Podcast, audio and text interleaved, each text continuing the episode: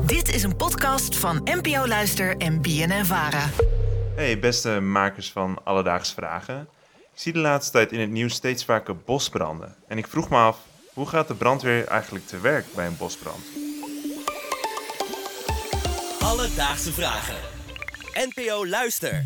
Sjoerd, dankjewel voor het insturen van je vraag. Ja, deze zomer was het natuurlijk weer behoorlijk raak met bosbranden. eh, Hawaii, Canada. Maar ook bij ons in Zuid-Europa had je behoorlijk wat.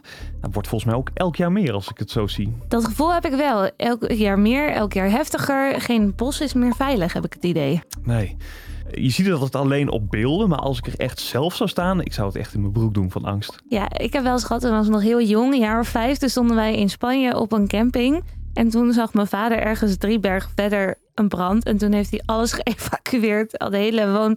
Hoe heet dat ook alweer? Een vouwwagen inge, ingepakt en weggegaan. Terwijl is nooit verder gekomen dan de top van de berg. Nou, maar je weet het niet. Want Nee. eh, daarom vind ik het ook zo'n goede vraag. Want eh, voor mijn gevoel kan zo'n brand zich ontzettend snel eh, verspreiden. En voor je het weet ben je de, de pisang en dan kom je er niet meer weg. Nou ja, voor een antwoord op de vraag belde ik met Adriaan ter Huurne. Hij is natuurbrandspecialist en weet precies hoe ze in zo'n situatie te werk moeten gaan. En het eerste wat hij mij trouwens vertelde is dat we niet spreken van een bosbrand in zo'n geval, maar een natuurbrand. Oké, duidelijk. Dat is al goed om te weten. ja, heel want goed. eh, in Nederland eh, ja, heb je vaak sneller natuurbranden, want heide kan natuurlijk ook in de brand Mhm. staan, dan alleen een bosbrand. Dus Adriaan, hoe gaan jullie daar bij de brandweer mee om? Wat wij bij natuurbranden altijd doen, is dat wij gelijk veel materiaal eh, sturen. Eh, en dat heeft er vooral mee te maken ehm, omdat je in de natuur niet altijd water voorhanden hebt. Dus wat wij doen, is we sturen veel slagkracht en heel veel water. Een natuurbrand is heel erg dynamisch. Is ook heel erg onderhevig van de weersomstandigheden. Wind is, van, is een hele belangrijke factor voor ons. Die kan zorgen voor een hele snelle uitbreiding. Wat wij willen proberen, en daarom sturen we ook gelijk zoveel, is om die brand zo klein mogelijk te houden. Dus eigenlijk die eerste slag direct toe te brengen, zodat hij niet meer kan uitbreiden en dat we het brandje of de brand relatief klein kunnen houden. En wat is dan klein? Soms is een hectare of twee hectare is ook klein. Nou ja, en als het dan zo'n grotere brand wordt, hè, dus die eerste voertuigen die eh, krijgen de brand niet onder controle. Eh, ja, dan, dan schalen wij op, net zoals bij iedere grote brand eh, die we in een industriepand hebben of iets dergelijks. Alleen gaat hier het opschalen veel sneller en met veel meer voertuigen. En dat heeft er weer mee te maken wat ik in het begin zei. Dat we heel veel slagkracht nodig hebben en vooral heel veel water. En dat is lang niet altijd voorhanden. Dus het is vooral zaak om zo snel mogelijk die brand te blussen voordat deze groter wordt. Want als dat eenmaal gebeurt, ja, dan kan het exponentieel gaan en ja, dan staat zo een heel natuurgebied in de brand. Precies, dus je hebt veel spullen nodig. Ja, en ook heel veel water, want dat is in de natuur niet zo voorhanden. Hij vertelde mij ook over verschillende middelen die ze daarvoor kunnen inzetten. Ze hebben bijvoorbeeld naast bluswagens ook specialistische teams. Die heten de handcrew. En dit zijn brandweerlieden die te voet het brandgebied ingaan om daar het vuur te bestrijden.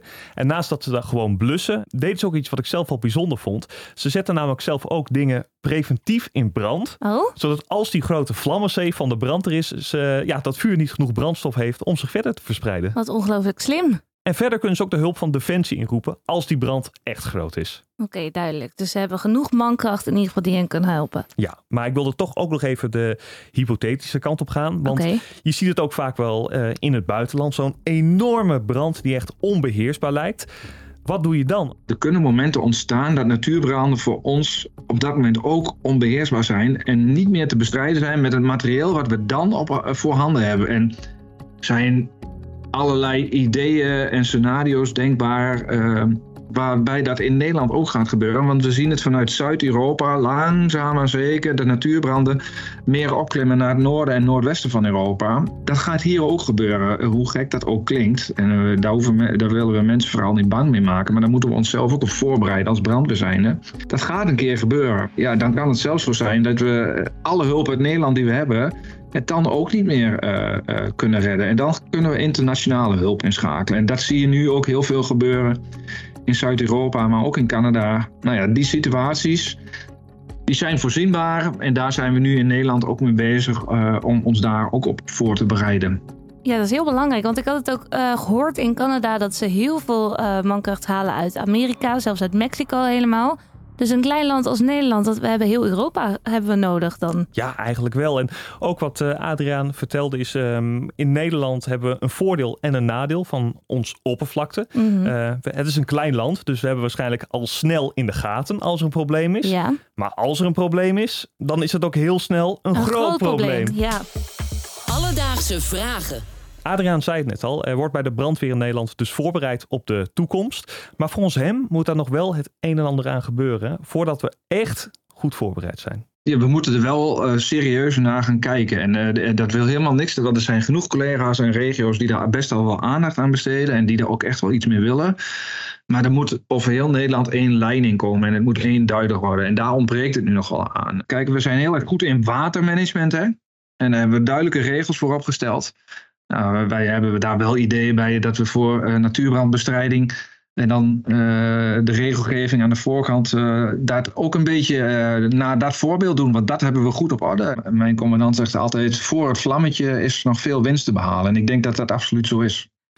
Van watermanagement naar fire management en winst halen in dat vlammetje. Voor het vlammetje, hè? Voor het vlammetje, Niet sorry. in het vlammetje.